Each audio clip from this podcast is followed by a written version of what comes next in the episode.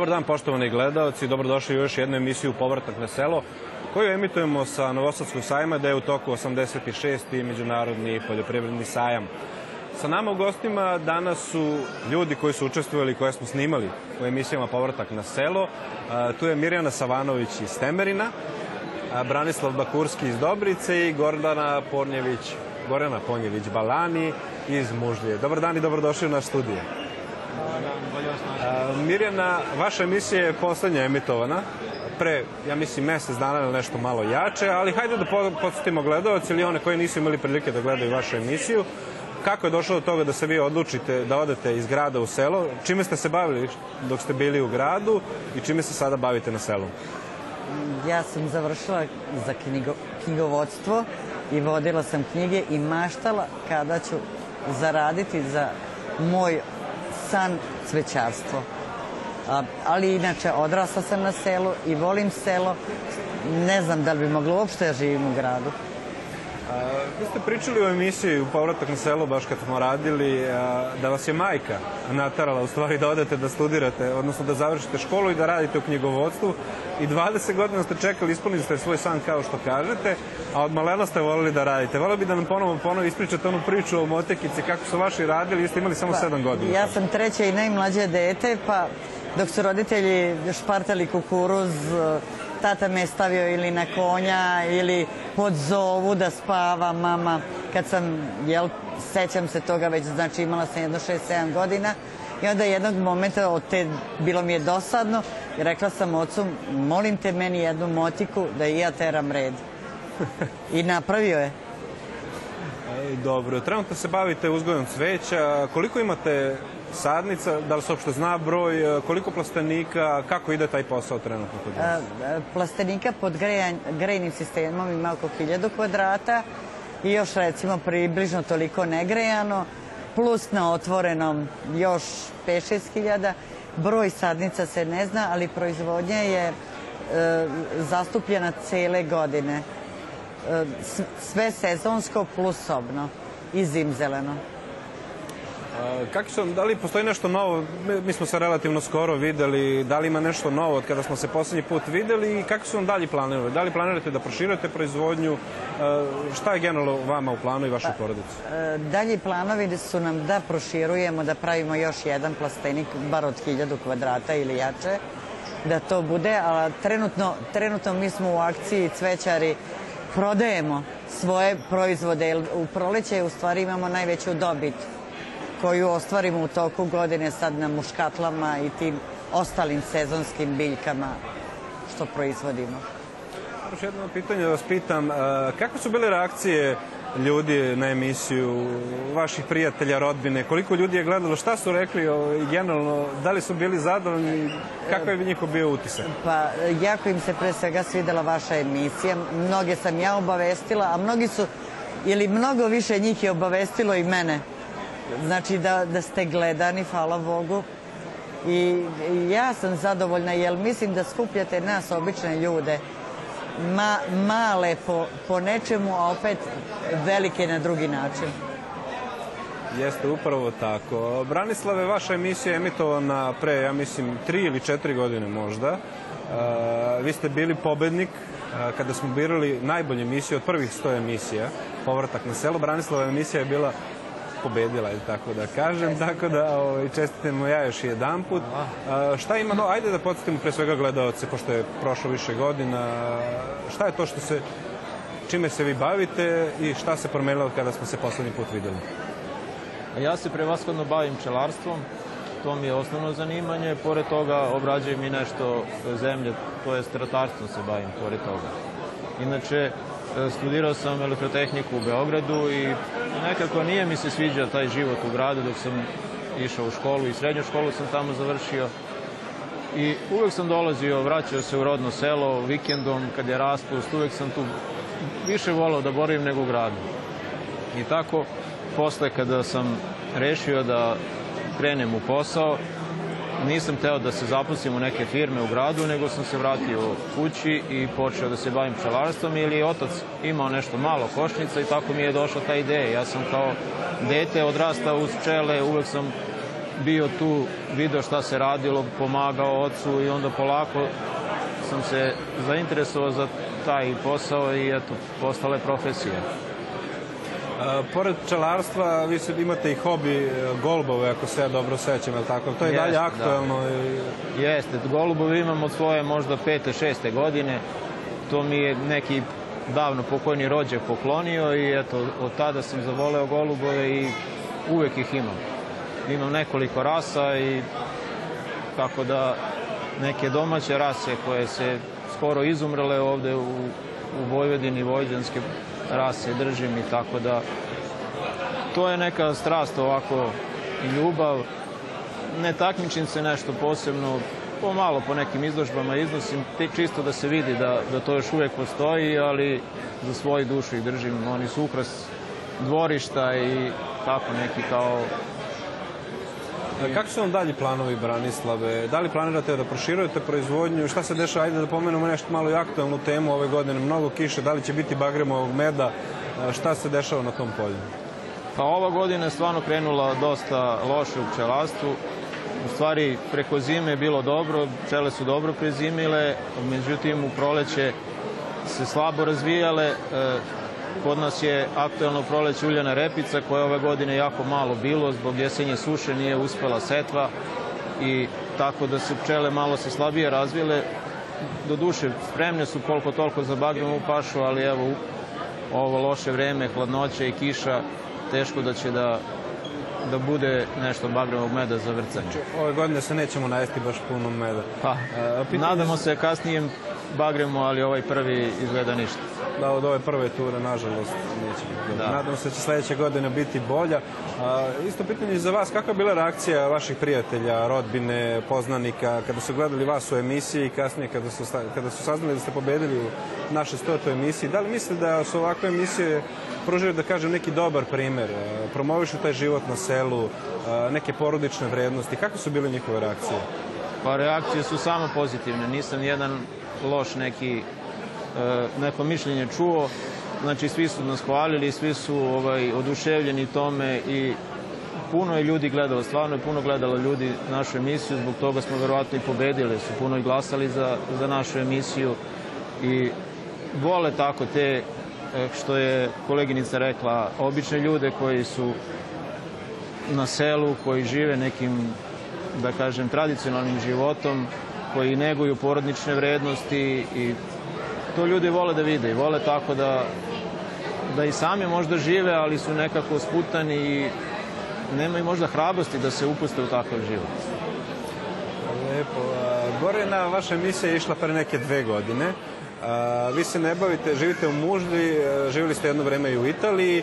A, hajde da podsjetimo delimično gledalce kako je došlo do toga da se vi odlučite, tamo ste se i udali, da se vratite u Srbiju i to na selo i da počnete da se bavite jednim veoma zanimljivim poslom.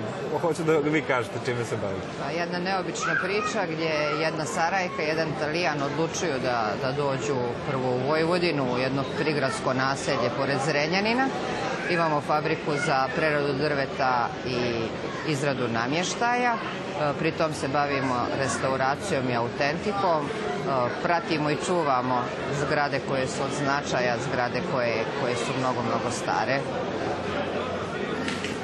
Šta ima novo kada smo se poslednji put videli? Da li ste proširili proizvodnju? Meni je bilo jako zanimljivo videti vas, ženu, koja se bavi izradom nameštaja, restauracijom drveta sa onim mašinama, kako ste spretni, mislim, onako gleda čovjek, ovaj, zaista onako, mami osmah na lice, ta vaša strast i ljubav koju imate prema poslu. A, Šta ima novo od kada smo se poslednji put videli? E, Novo je što je u našoj bašti ovaj, stiglo par novih sadnica. Sjemena stižu bukvalno iz cijele Europe. E, Mnogo, mnogo pazimo na, na, na to šta proizvodimo i šta nam je na, na stolu. Ne zbog djevojčice, nego i zbog našeg zdravlja. Što se proizvodnje tiče, ako se ne varam, prije godinu i po kad smo se družili, negdje je počela priča o našem izvozu a, prema Europi. Konkretno raširili smo se, proširili smo se na francusko tržište, sjever Njemačke i Oslo, što sa fasadnom stolarijom, što sa komadnim namještajem. Ovde na teritoriji Vojvodine i dalje pratimo e, zgrade i kuće ovaj, koje, su, koje su pod zaštitom. A, vi ste dobili pre, ja mislim, dve godine kada smo baš snimali emisiju, nagradu Žena Zmaj. Ja, tako. To je nagrada koju sam dodelio, ja se ne sjećam tačno ko dodelio, ali je bilo jako zanimljivo za vaše postignuće, za vaš, vašu ljubav i strast prema poslu. E, Kada je to bilo i ko dodeljuje tu nagradu? Tu nagradu dodjeljuje Udruženje poslovnih žena Srbija. Znači ta nominacija je izlazak među 22 e, žene iz e, cijele Srbije. Za mene je bila velika čast i presretna sam zbog, zbog, zbog nominacije. E, Ona je doprinjela da, kažem, i male žene iz manufakture dobiju mogućnost da stanu pored veoma jakih ličnosti u privredi. Mirjana, a, pitanje za vas sledeće je, odnosi se na decu. Koliko vam deca pomažu u vašem radu? Mi stalno pominjemo našoj emisiji koliko je bitno da mladi ostanu na selu, da ne odlaze u gradove ili inostranstvu. Vi imate dvoje dece, ako se ne varam. je, tako Koliko vam pomažu u poslu i koliko možete da se oslonite njih? Da li vole uopšte taj posao? Sin polako preuzima posao, već drži neki 30 do 40% u njegovim rukama i hvala Bogu, evo čekamo i nje- njegovo prvo dete, pa nadam se da će i- dalje da drže naše, naš posao na selu ili neki njihov posao na selu. Da li bi, znači definitivno bi volili da oni nastave nešto što ste vi započeli, da li su oni vremenom a, živo, živeći, jel te, sa vama, stekli te neke radne navike i a, razvili tu ljubav prema selu i prema tom poslu kojim se E, bavite? Stekli su radne navike, zahvaljujući nama. Dete se vežba od rođenja da stiče navike bilo koje, a s tim najvažnije radne navike, da kad nas ne bude bilo, oni dalje prenose na svoje dete da imaju uspešan život i zdrav život.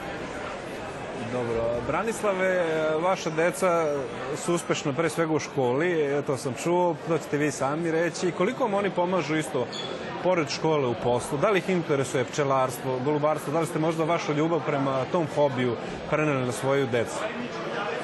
Jeste, interesuje ih sve na selu. Pre toga pomenuli ste da su uspešni đaci, jesu, ja sam isto bio dosta dobar đak i oni su isto dobri đaci. Sin je sada u gimnaziji, osvaja neke nagrade na republičkim takmičenjima iz fizike i matematičan je odličan, tako da uspešan je u tome. Međutim, ima tu, što mi kažemo, klicu da, da mu je poreklo sa sela i da voli selo i da ne može da se odvoji lako od sela. I on isto radi sa mnom, pomaže mi u pčelarstvu, kad selimo pčele, kad vrcamo med i tako. Hoće da sve više i više, pošto je sad već dosta ojačao, može mnogo da radi i ovaj, e, trenutno najviše pomaže oko prodaje meda. Jer je, razvija mrežu prodaje koja je u stvari i najbitnija za, za naše poslove koji se tiču sela. Najveći je problem prodaja, plasman svojih proizvoda. I treba e, raditi na tome da taj plasman bude direktno potrošačima, da ne ide preko nekih posrednika, otkupljivača ili na druge načine, jer onda se poštizira najveća cena i sigurna prodaja. Tako da na tome nam pomaže. A, a čerka isto i ona isto dobar đak i ona se zanima za životinje, voli da hrani piliće, onda golubove i tako da vidi se da i nju interesuje selo i da domaćica bude i tako da. Dobro, oni su dobri đaci, imaju izbor, na njima je izbor na kraju, ako završe školu, da li će ostati na selu ili će otići nekim svojim putem, ali svakako, ako budu želeli, mogu nastaviti, jel te posao koji ste vi započeli? Naravno, ali to, to je i greška kod, kod vaspitanja naših, naše dece. Što nekada je tradicija bila da deca nastavljaju posao koji roditelji započinju. I oni su od malena, od detinstva učili uz roditelje da rade taj posao i kasnije kada su postali ljudi, nastavili su taj posao, samo su ga uvećavali, već iskusni bili u stvari. A sada svake generacije počinje neki novi posao praktično od nule i, i to je najveća, najveći problem. Tamo gde druga generacija nastavi isti posao, vidi se već veliki napredak. A gde krene i treća, tu je već daleko, daleko bolje i uspešnije ta porodica i tako da to je ono što treba negovati. To ste definitivno u pravu, što se generacije deli i ne nastavlja se posao koji svaki put se kreće praktično od nule. Jeste. Gorina, kada smo snimali, vaša čerkica je jedna preslatka devojčica i prepametna, pokazivala nam je kako računa na matematiku neku, to se sećam i znamo da je volela da bude sa vama kad god je mogla a, u vašoj fabrici. Koliko ona sad porasla, koliko interesuje taj posao, pretpostavljam još više. Pomenuli ste neke zanimljive stvari, ajde recite nam vi šta je to sve ono što ona sve radi u vašoj radionici i u čemu ona sve pomaže? Bez obzira na broj njenih godina, znači 9 godina, skoro svaku nedelju provedemo 2-3 sata zajedno u radionici. Smatram da se tako stiču radne navike. Ipak treba da upozna i taj ambijent i, i da brine o svemu tome i da, da, da se na neki način ako može i pronađe. Zakačila se ta ljubav, ako se može tako reći, u tom smislu gledajući mene, kako držim radionice djeci u osnovnim, srednjim školama ili kad mi e, đaci s fakulteta dođu u fabriku, e, imponuje sve to. E, puno je posla sad za mene i mogu da se pohvalim da jedan dio radionica sa srednjoškolcima u veliko preuzima ona.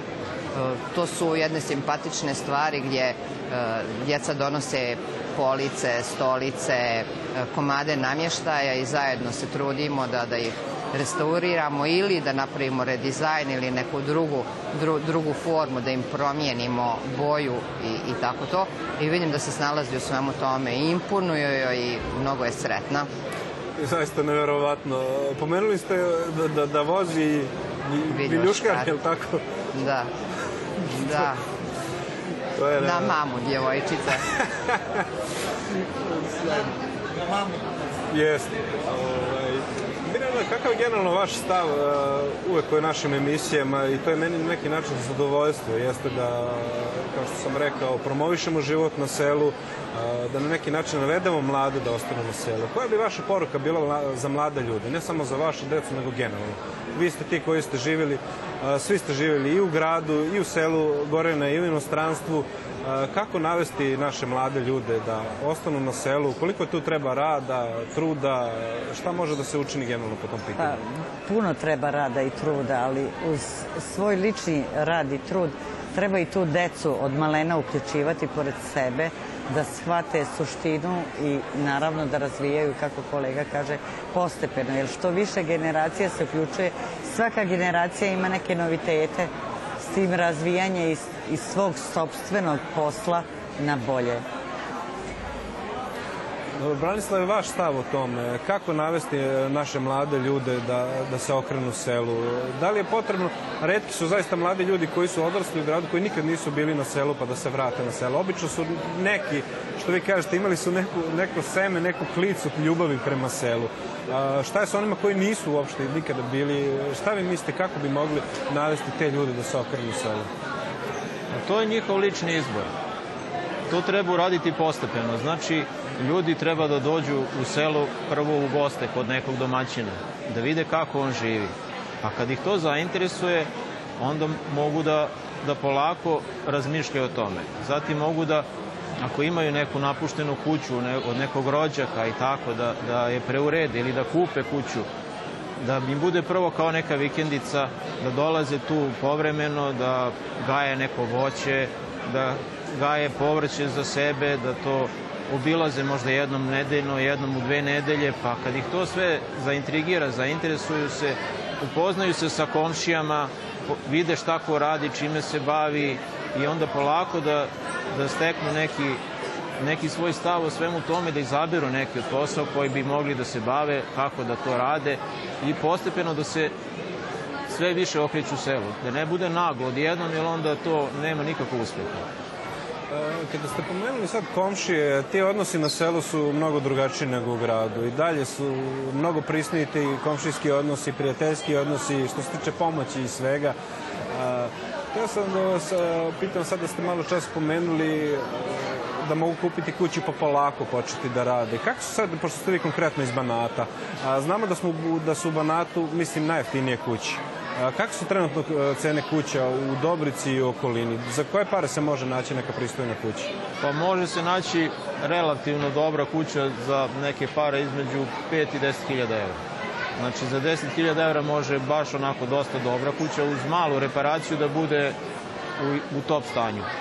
A kaže, može i za manje, može i za 3-4 hiljade starije kuće, one gde niko ne živi, ali treba više da se ulaže u njih. Ali to su sve kuće koje imaju veliki plac, veliku okućnicu, to je znači od 15, 20 i 30 ari placa i velika bašta uz, uz kuću i tako. Dobro. E, Gorjana, vi ste živjeli, kao što ste sami rekli, i u Sarajevu, i u Italiji, i sada ste u selu. A, Ajde da čujemo kakav je generalno stav u inostranstvu, pošto ste imali prilike to da vidite. Kakav je tamo odnos ljudi e, prema selu? E, Znamo da uglavnom u, tim stranim gradovima ljudi više ne žure ka centru grada, nego žive ka je. periferiji. Tako je je, tako? tako A, Kakav je vaš stav? Kako navesti naše ljude e, da ostanu na selu i da se bave nečim? Definitivno imamo puno vrednosti u Vojvodini i u poljoprivredi i u drugim poslovima. E, Kakav je vaš stav o tome? Meni lično to moje parče zemlje i ta divna kuća daje jednu slobodu. Uporno pričam o tome sa drugarima koji imaju neki hobi gdje se na tolikom prostoru može taj hobi razviti i u nešto veće tipo preduzetništvo, jer mi kad počinjemo zbiljnije da se bavimo ili dekupažom ili restauracijom ili opet ta kuća i okućnica daje mi prostora za, za, za razvijanje ne bi mogla sada da zamislim sebe na, na asfaltu, nikako. Imam tu sreću da smo stvarno u predivnom kvartu. E, to je karakteristika možda što je mađarski kvart, što sam upoznala i drugi jezik, polako i to učimo, kao što i oni uz nas uče talijanski ili ne znam nija šta. Stvarno, mi smo presretni. E, Približavamo se polako kraju naše emisije. E, Želim pre svega svima da vam se zahvalim e, što ste došli, što ste bili moji gosti danas. Hvala vama na Uvek je pozivu. zadovoljstvo biti Bilo u vašem društvu. E, Zaista jako pozitivni ljudi. Ja kažem to svima, ljudi koji dođu i koji žive na selu i koji bivaju naši gosti i koje snimamo tokom naše emisije Povratak na selo. A, Svi mi uvek kažu da se nikad nisu pokajali što su doneli takvu odluku. Da li mogu da pitam vas, ajde isto za kraj, ono, da li ste se pokajali što ste doneli takvu odluku? Mirjana, vi? Nikada. Sreće, život, a i volim što sam u vašoj emisiji. Sve zajedno. Branislav, Ja svima kažem, kada bi se vratio 30 godina unazad, opet bi sve isto uradio. gore na vaš stav Ja za kraj. tu ništa ne bi mijenjala, Vi ništa ne bi dirali. sad. ništa ne bi dirala. Hvala vam puno još jedan put. Poštovani gledalci, hvala vam na pažnji. Nadam se da ste uživali, da ste čuli neke korisne informacije, kao što reče naša gošća Mirjana, od običnih ljudi. Ostanite uz program Radio Televizije Vojvodina. Mi vam želimo prijatan ostatak dana.